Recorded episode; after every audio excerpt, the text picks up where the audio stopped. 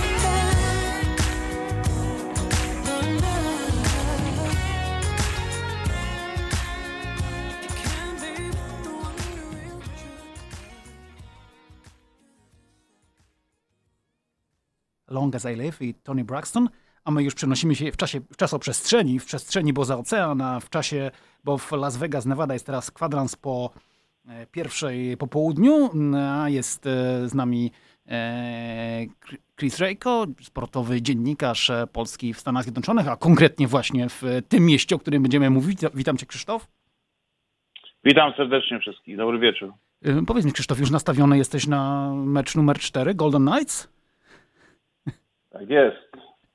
To jest mecz, mecz wyrocznia, że tak powiem. Wszyscy tym żyją tutaj, bo e, no, w wypadku przegranej to może być bardzo ciężko, czyli będzie taki koniec, że tak powiem, pięknego snu, a, ale wszyscy żyją nadzieją, mówiąc, wiesz, e, chwilę trwaj, czyli całe miasto jest ubrane w koszulki, jakie tylko by one nie były, Las Vegas Golden Knights, łącznie ze Statuą Wolności pod pomnikiem Nowy Jork, Nowy Jork, ale o tym już kiedyś mówiliśmy. No także prawie wszyscy tutaj w koszulkach Golden Knights, ale niestety no, będzie, będzie chyba bardzo ciężko dzisiaj, bo niestety ekipa Owieczkina okazuje się dużo mocniejsza niż, niż sny kibiców i tutaj właścicieli klubu z Las Vegas. No właśnie, za nami e, te pierwsze dwa mecze, które były w e, Vegas i trzeci, ale chciałem porozmawiać chwilę o tych spotkaniach, e, które były w Vegas. Powiedz Krzysztof, czy jeszcze na wyższy poziom weszła ta rycerzomania w Vegas niż podczas pozostałej, pozostałych meczów fazy playoffs przed tymi dwoma meczami Stanley Cup Final? Znaczy, na pewno, no oczywiście zainteresowanie no, samych playoffów jest cały czas po prostu pompowane do wszelkich możliwych granic, jak tylko może być. Tu każdy, każdy news radiowy, telewizyjny zaczyna się od Golden Knights, co tam nowego, ale um, powiem tak, że no tutaj jeżeli chodzi o widownię, no to niestety ceny biletów odstraszyły trochę tych, um, tych takich kibiców, takich najzagorzalszych, no bo jednak Przypomnę, że na, na, te pierwsze dwa mecze, to żeby się dostać do hali, no to tak powiem od 500 do nawet 10 tysięcy przy samej, przy samej bandzie e, trzeba było zapłacić za bilety. To jednak jest trochę dużo, nawet na tak zagorzałych fanów, jak tutaj mamy. Rzeczywiście to ceny rzeczywiście mogły odstraszyć, ale rozumiem, że yy, poza tym, że można było oglądać w hali, to yy, także przed halą się gromadziły grupy kibiców. Nie, tak, tak. To każdy hotel organizował oglądanie jak tylko na każdy możliwy sposób. To e, na każdej możliwej ścianie, że tak powiem. Trochę niefortunnie było, bo jak, e, ze względu na to, że Washington e, leży na wschodnim wybrzeżu, no to mecze są o piątej po południu, czyli jeszcze... Czasu lokalnego, przypomnijmy, w Vegas, tak? Tak, tak, tak. Czyli, czyli jak grali na przykład u siebie poprzednie mecze, to praktycznie każdy hotel miał na jakimś wielkim świecie, na, na wielkiej ścianie E, projektory i, i pokazywali. Prawie każdy, wszędzie. To, to ogromne zainteresowanie dało, ale a teraz no w dzień to już nie ma takiego efektu, bo przed halą w Las Vegas owszem zbiera się nam kilka tysięcy ludzi, ale przypomnę, że jest ponad 30 stopni ciepła, to tak jest sucho, także ponad, yy, no by wytrzymać 3 godziny meczu na takim, na gorączce przed halą, to naprawdę trzeba być bardzo wytrwałym albo mieć jakieś, nie wiem, specjalne urządzenia schładzające, bo no nie jest człowiek w stanie wytrzymać. No właśnie, patrzyłem, że wczoraj chyba temperatura nawet przekraczała w niektórych momentach 100 stopni Fahrenheita, czyli no blisko już nawet 40 stopni w cieniu, prawda?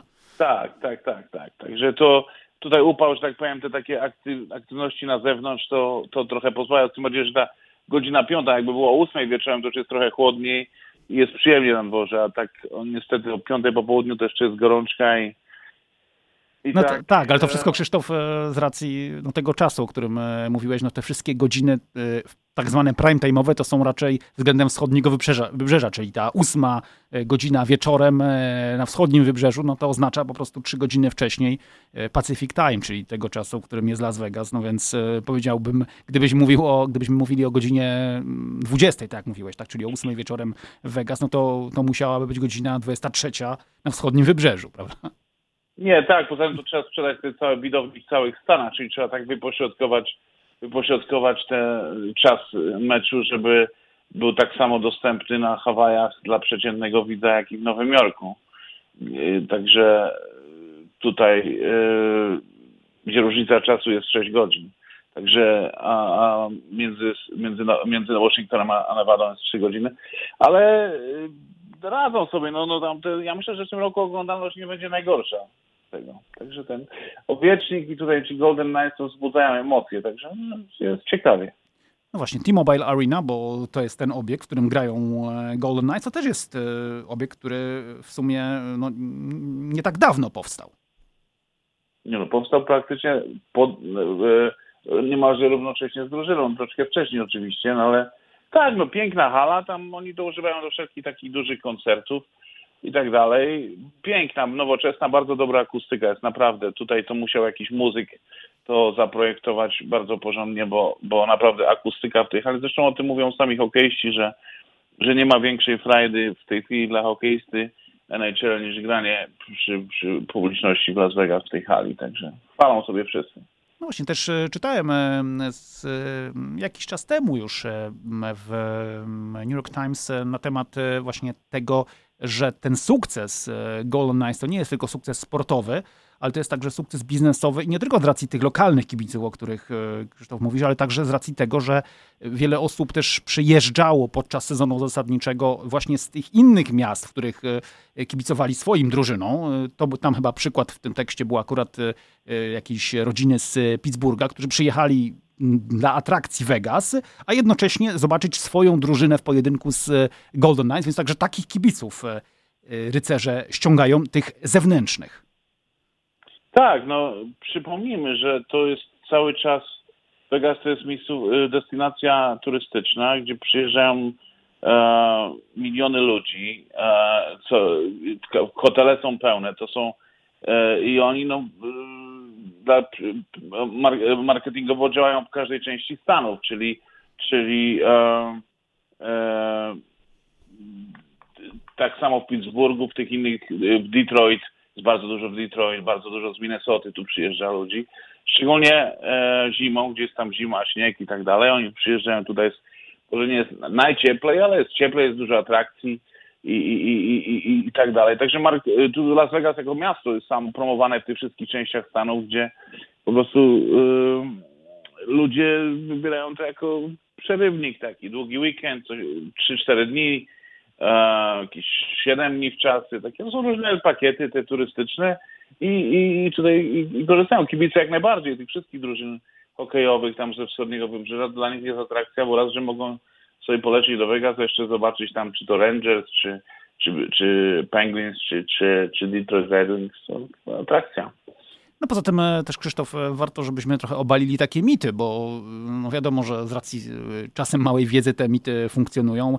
To wcale nie jest tak, że w Vegas są tylko te najdroższe hotele, najdroższe miejscówki. Jest bardzo, można powiedzieć, du duża rozbieżność, jeśli chodzi o ceny. Można wybrać bardziej miejsce ekonomiczne, można bardziej ekskluzywne. To wcale nie jest tak, że to jest tylko dla ludzi o jednej kieszeni.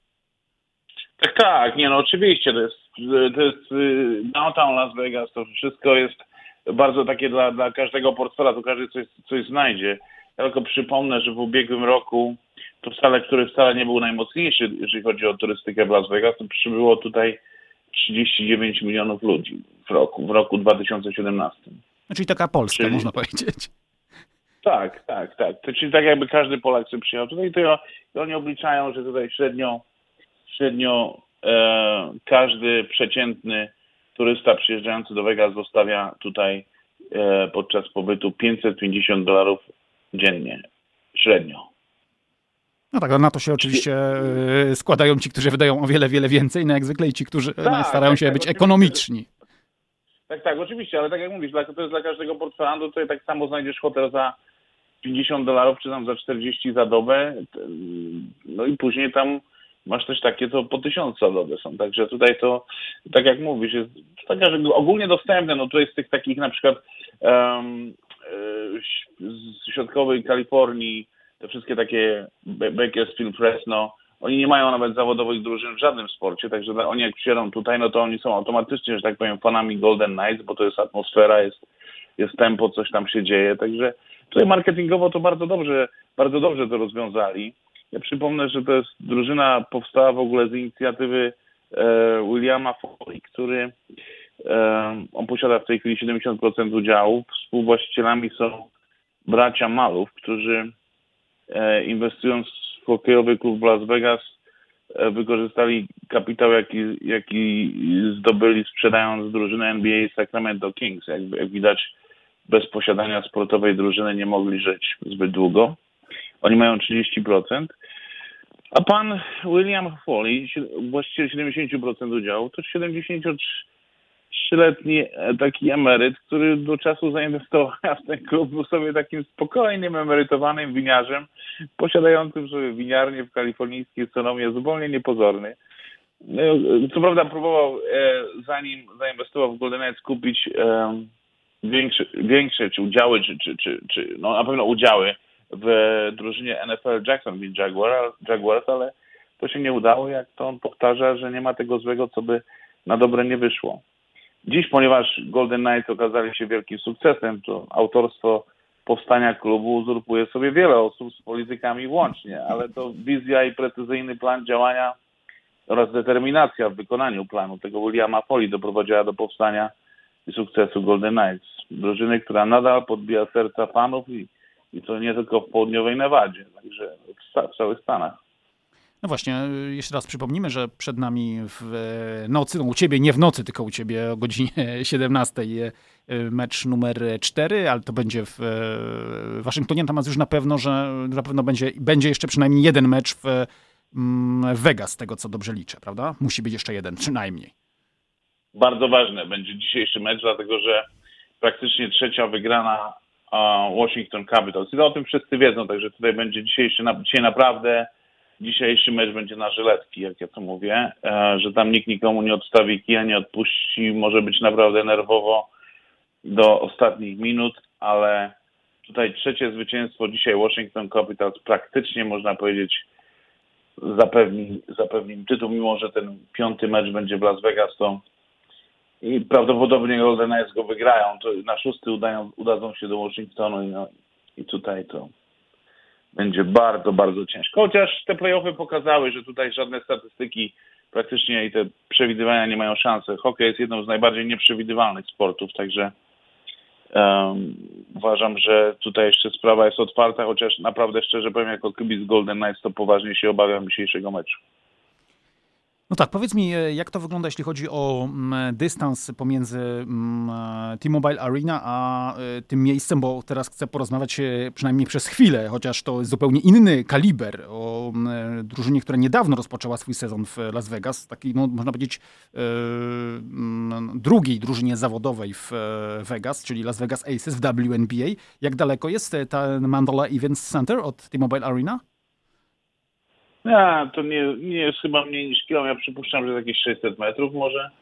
Co, nie wiem, nie sprawdzałem tego na mapie dokładnie, tak z głowy jadę, ale to jest, że tak powiem, no do, dystans do przejścia. To może być, może być gdzieś między 500 metrów a kilometr, tak gdzieś powiem, nie więcej. To też wszystko w okolicach oczywiście Strip, czyli Las Vegas e, Boulevard, tej, tej ulicy, która się ciągnie przy tych największych E, atrakcjach. No właśnie, no, trudno oczywiście porównywać, e, nawet jeśli chodzi o ligę WNBA z e, NHL. Niedawno wystartował sezon Aces. No i co ciekawe, też Krzysztof czytałem, że sami właściciele, czyli MGM jeszcze grubo przed sezonem właśnie ogłosili, że akurat na Aces nie można oficjalnie u nich obstawiać. To jest też ciekawe, że, że no twierdzą, że jednak WNBA to jest e, mm, bardzo niszowe pod względem e, mm, tych stawek, ilości stawek i, i stwierdzili nawet, ktoś nawet z tych szefów powiedział, że to mniej więcej jeden dobry mecz w NFL i to nie wcale e, drużyny, która niebawem też będzie w Vegas, czyli Raiders, generuje tyle ludzi obstawiających, ile czasem cały sezon WNBA. A, no, poruszyłeś bardzo ciekawy temat. Bardzo dobrze pytane, bardzo dobrze zadane pytanie. pytanie. Powiem tak, tak, właścicielem koszykarskiej drużyny WNB Las Vegas jest, jest koncern MGM. To jest e, zarazem największa i naj, najmocniejsza firma w ogóle w Las Vegas, generująca ponad 10 miliardów przychodu rocznie, zysk w granicach 20% czy jakichś 2 miliardów rocznie. Na czysto zarabia ta firma. To MGM przypomnijmy, bo to nie wszyscy wiedzą, że oni to praktycznie są właścicielami większości hoteli na strypie, czyli oprócz tego MGM Grand, takiego i flagowego, no to mają Bellagio, Ariel, Luxor, MGM, czy tam, gdzie grają właśnie te koszykarki Mandalay Bay. To są wszystko ogromne hotele. Um, i, I obstawianie w tych samych hotelach, y, w drużynach właścicieli, ja przypomnę tylko, że właściciel hotelu Golden Nugget w downtown Las Vegas jest właścicielem Houston Rockets i bookmacher tamtejszy, e, Tony Miller, to skarżył się, że oni tracą bardzo dużo biznesu, bo wszyscy, którzy chcą postawić na Houston Rockets, to, to e, idą do sąsiadów, no bo oni nie mogą, jako są właścicielami, e, właścicielem jest właściciel klubu e, Houston Rockets, nie mogą przyjąć zakładów. To samo jest w, druż w drużynie e, WNBA, gdzie właścicielem jest MGM. Ja przypuszczam, że bookmacherzy w, w MGM to martwią się, żeby czasem MGM nie zakupił więcej jakichś klubów, bo faktycznie wtedy ich obroty spadną. Że to jest trochę taka hipokryzja trochę, no bo oni nie mogą postawić w hotelu MGM, ale już u sąsiadów po drugiej stronie ulicy mogą.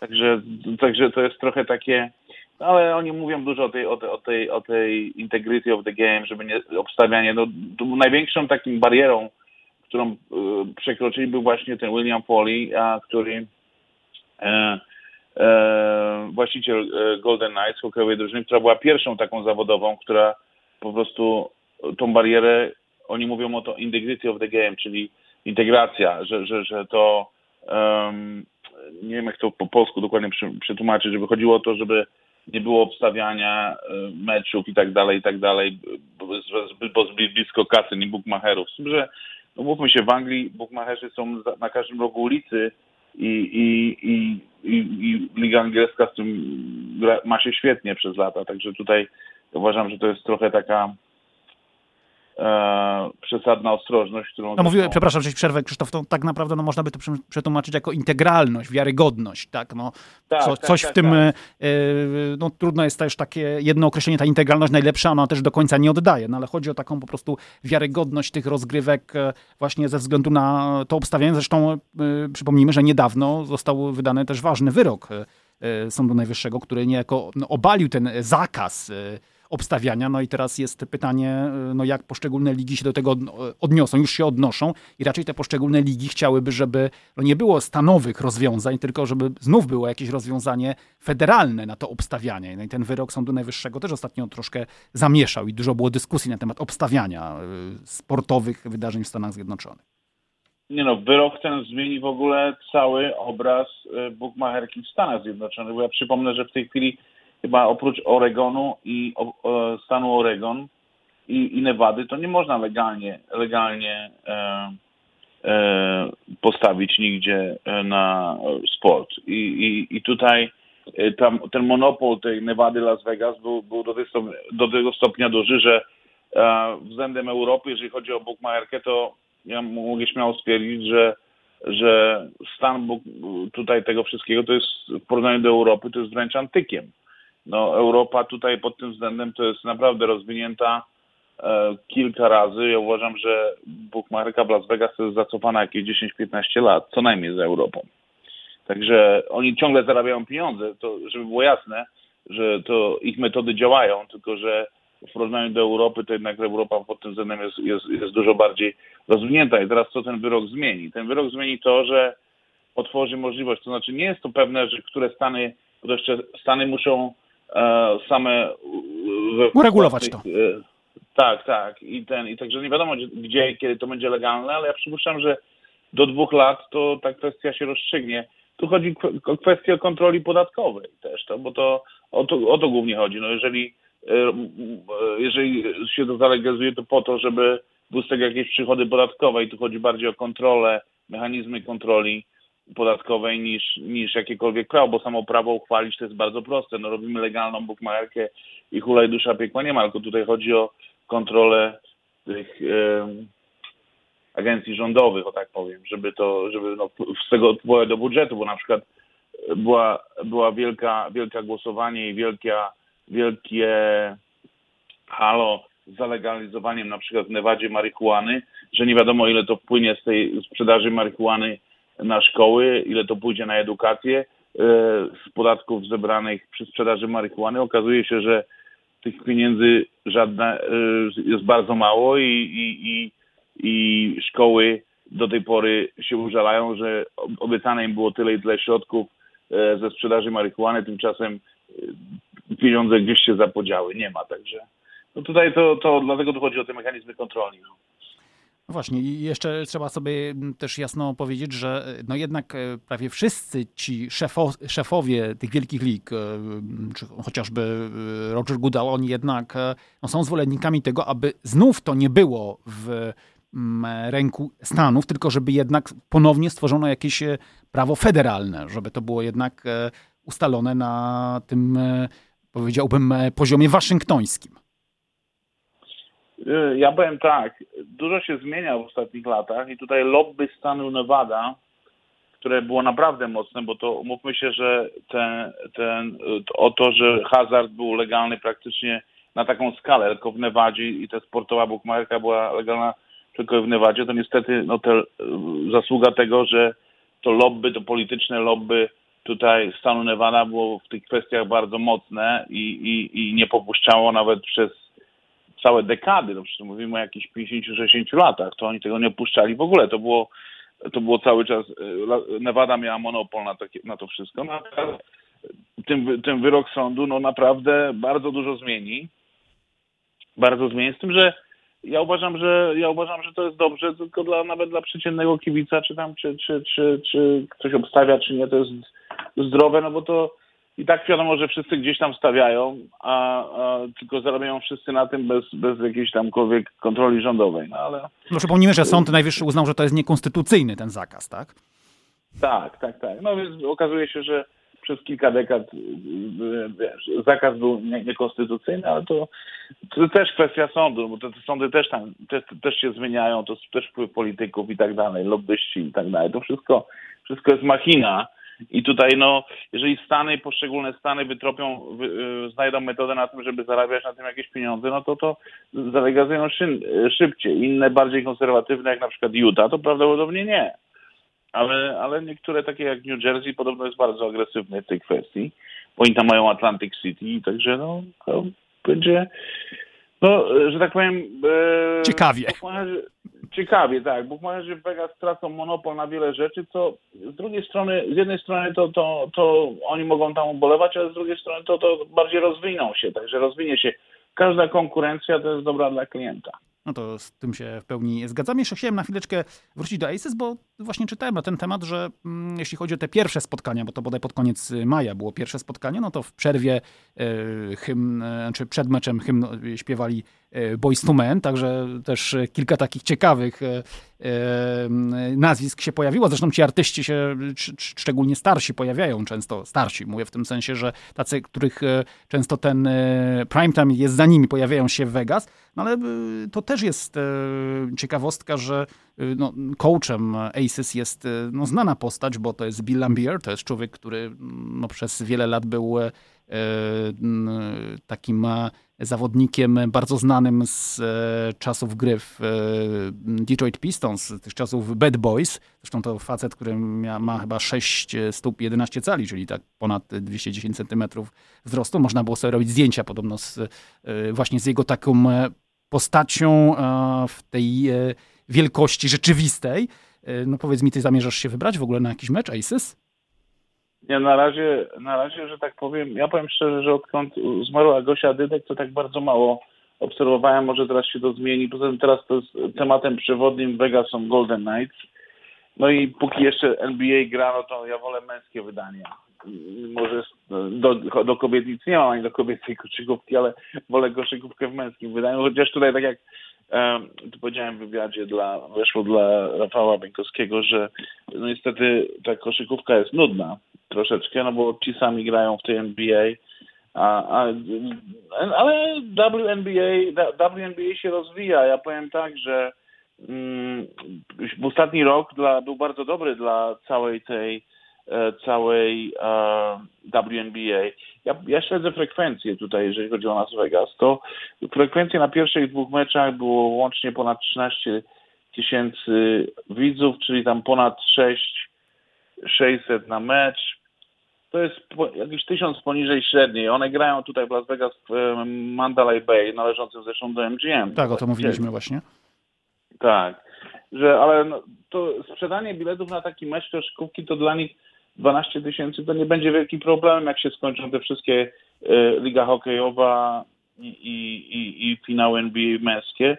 Dlatego, że ja przypomnę, że, że Mandalay Bay to ma u siebie w samym Mandalay ma 3300 pokoi, um, z czego prawie 90% ma zawsze obłożone, czyli sprzedane, przynajmniej 90, czasami mają więcej.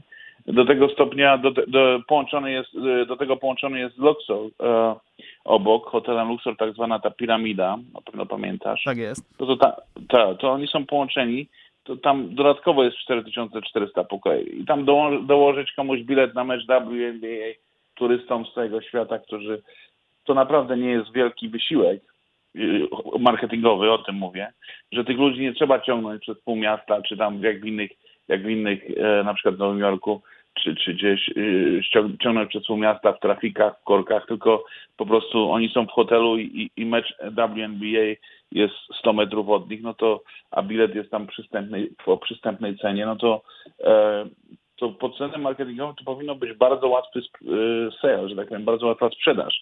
Natomiast mm, na razie w ubiegłym roku, w ubiegłym roku ta WNBA tam się chwalą, że mieli właśnie rekordy.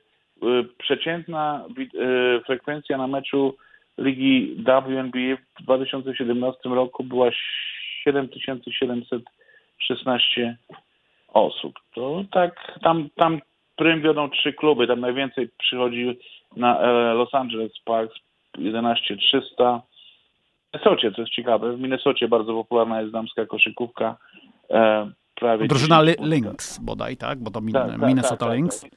Minnesota Lynx, tak. 10, prawie 10,5 tysiąca mają średnią. Także w tej hali tutaj, gdzie grają e, Las Vegas Aces, ona może pomieścić 12 tysięcy I tak jak mówię, jak się zacznie sezon wakacyjny i tak dalej, zacznie przyjeżdżać dużo turystów z całego świata, no to tam pewnie dla nich to do ceny pokoju hotelowego mogą dołożyć bilet na koszykówkę czy tam jakieś ten. No to oni taką halę 12 tysięcy to powinni sprzedać błyskawicznie. To nie powinien być jakiś wielki problem. Z tym, że może im to trochę zająć. Teraz jest to trochę trudne, bo ja mówię, jest ten okres, jest ten okres Golden Knights, ten Stanley Cup. Przypuszczam, że to jest bardzo dobre dla miasta Las Vegas, bardzo dobre dla dla, dla wszystkich, ale dla nich to akurat nie, no bo oni zaczynają sezon koszykarski, no i muszą się niestety, są, że tak powiem, w cieniu. No to się zmieni. No właśnie, a poza tym też e, już kończąc ten temat, sama nazwa Krzysztof, e, no Aces, no to można powiedzieć, że e, patrząc na, takie, no, no taką wymowę, no to można powiedzieć, że to są aski, tak? Czyli to też jakoś koresponduje z grami karcianymi, które w Vegas też tak, są popularne. Tak, no, no, no, oczywiście, no przecież Pamiętasz, byłeś na Mistrzostwach Świata w pokerze. Tak jest, tak, World Series of Poker, tak, to też jest istotne. Dobrze, Krzysztof, zrobimy sobie chwilkę e, przerwy, zanim e, przejdziemy do Raiders, bo to będzie też taka historia 2020 roku, chyba największa, jeśli chodzi o, o Vegas. No mówiłeś o tym, że MGM jest też e, właścicielem hotelu i kasyna Bellagio, obok niego zawsze spektakularny pokaz fontan przy, przy piosence Celine Dion, więc posłuchamy Celine Dion i wrócimy do rozmowy, dobrze? Dobrze, na razie.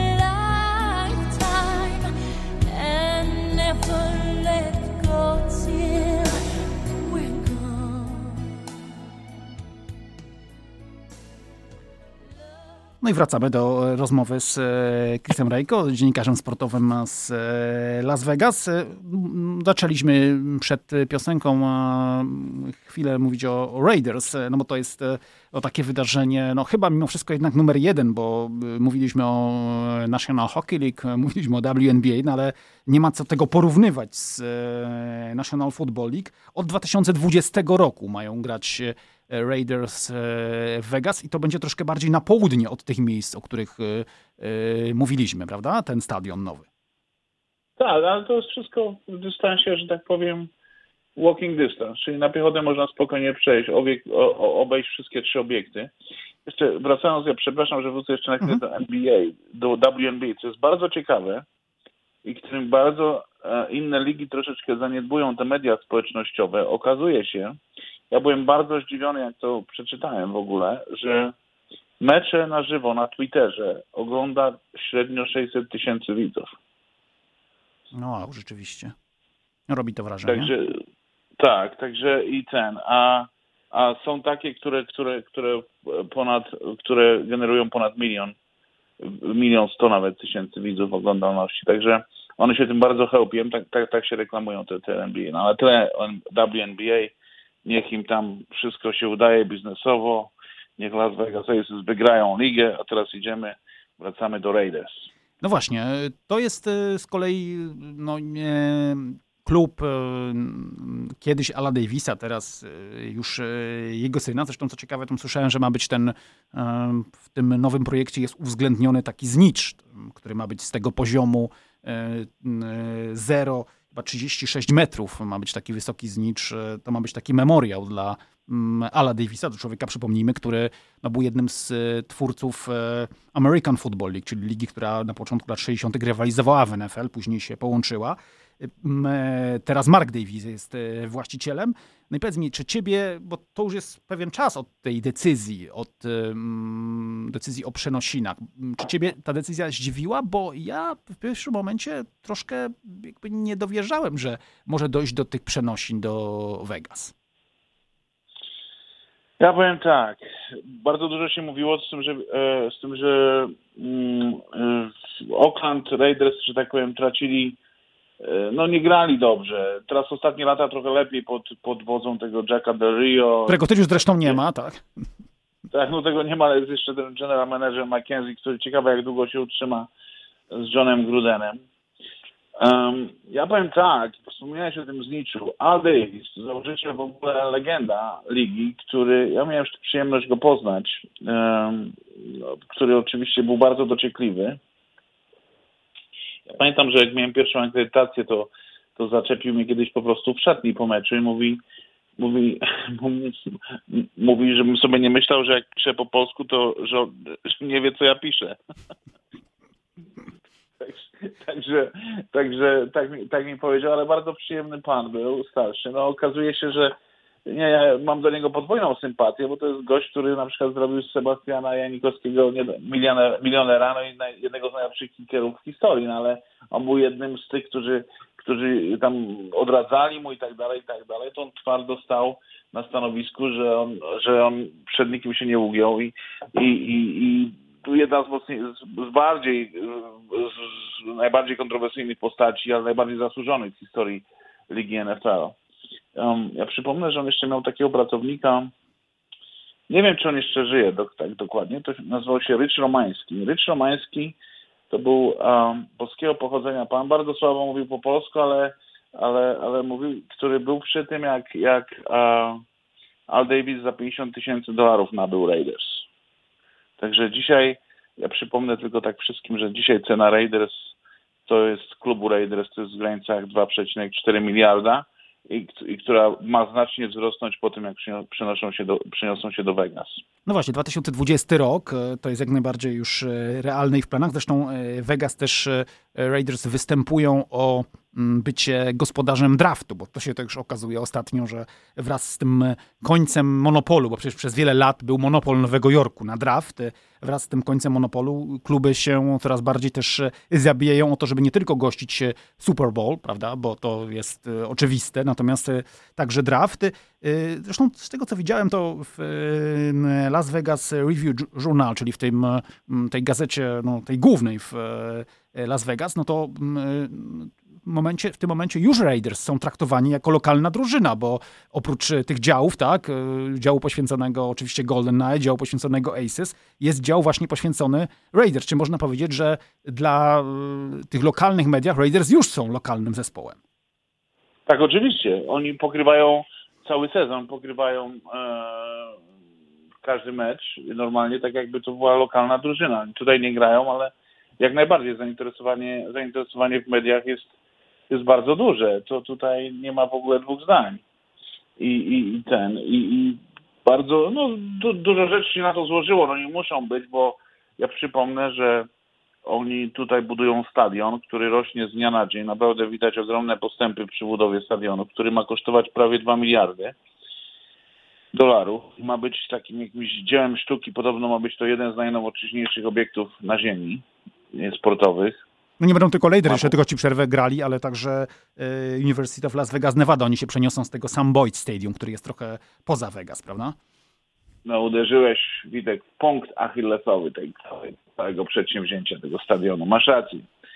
Stadion ma służyć też, oni jak sprzedawali, no bo żeby sprzedać, żeby wziąć, e, wziąć pieniądze od podatnika, no to trzeba to było jakoś sprzedać. No to oni ubrali to w to, że, że no będą tam też grali, grała drużyna Uniwersytetu właśnie Las Vegas.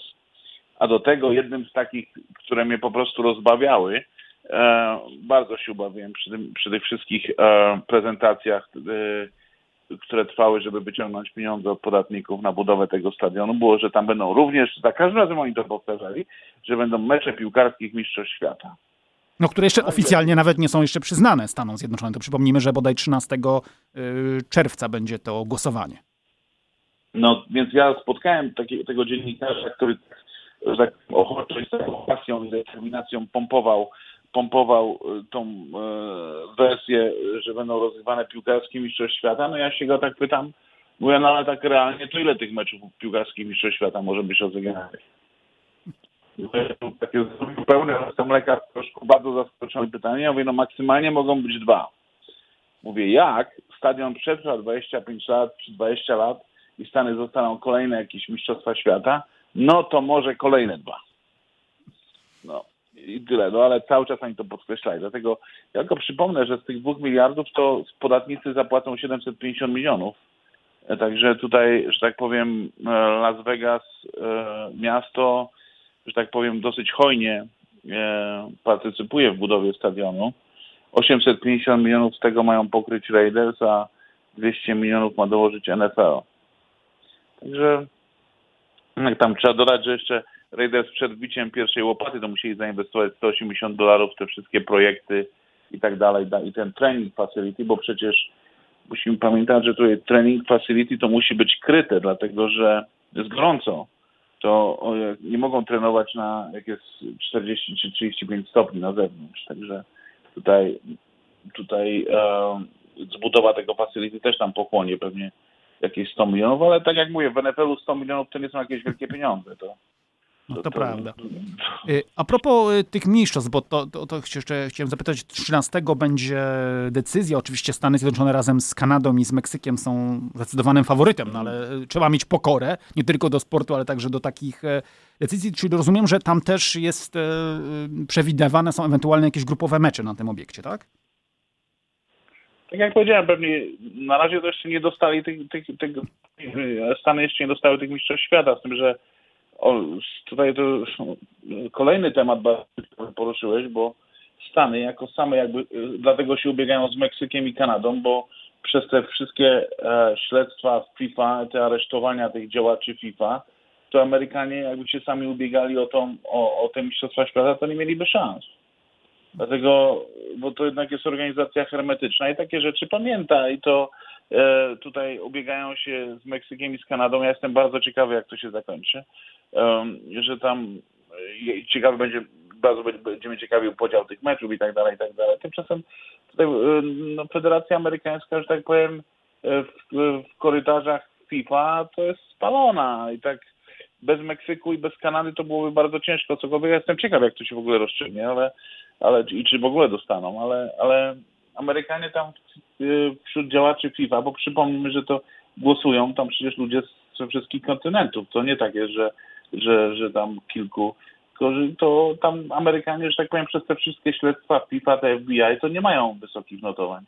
No tak, musimy Krzysztof kończyć, ale oczywiście pozwól, że no, zaproszę cię do takiej audycji na, już po tej decyzji na temat ewentualnego rozgrywania Mistrzostw Świata także w Stanach Zjednoczonych. I może to byśmy połączyli z no, taką audycją, którą planuję przed Świętem Niepodległości, czyli Święto Niepodległości to 4 lipca, czyli 2 lipca bodaj to będzie poniedziałek, więc jeśli jesteś w stanie przyjąć zaproszenie, to już cię teraz zapraszam. I w ten czas byśmy porozmawiali o, o tym ewentualnym przyznaniu Stanom Zjednoczonym także organizacji, no ale także o, o tym, e, o takich wątkach patriotycznych w amerykańskim sporcie.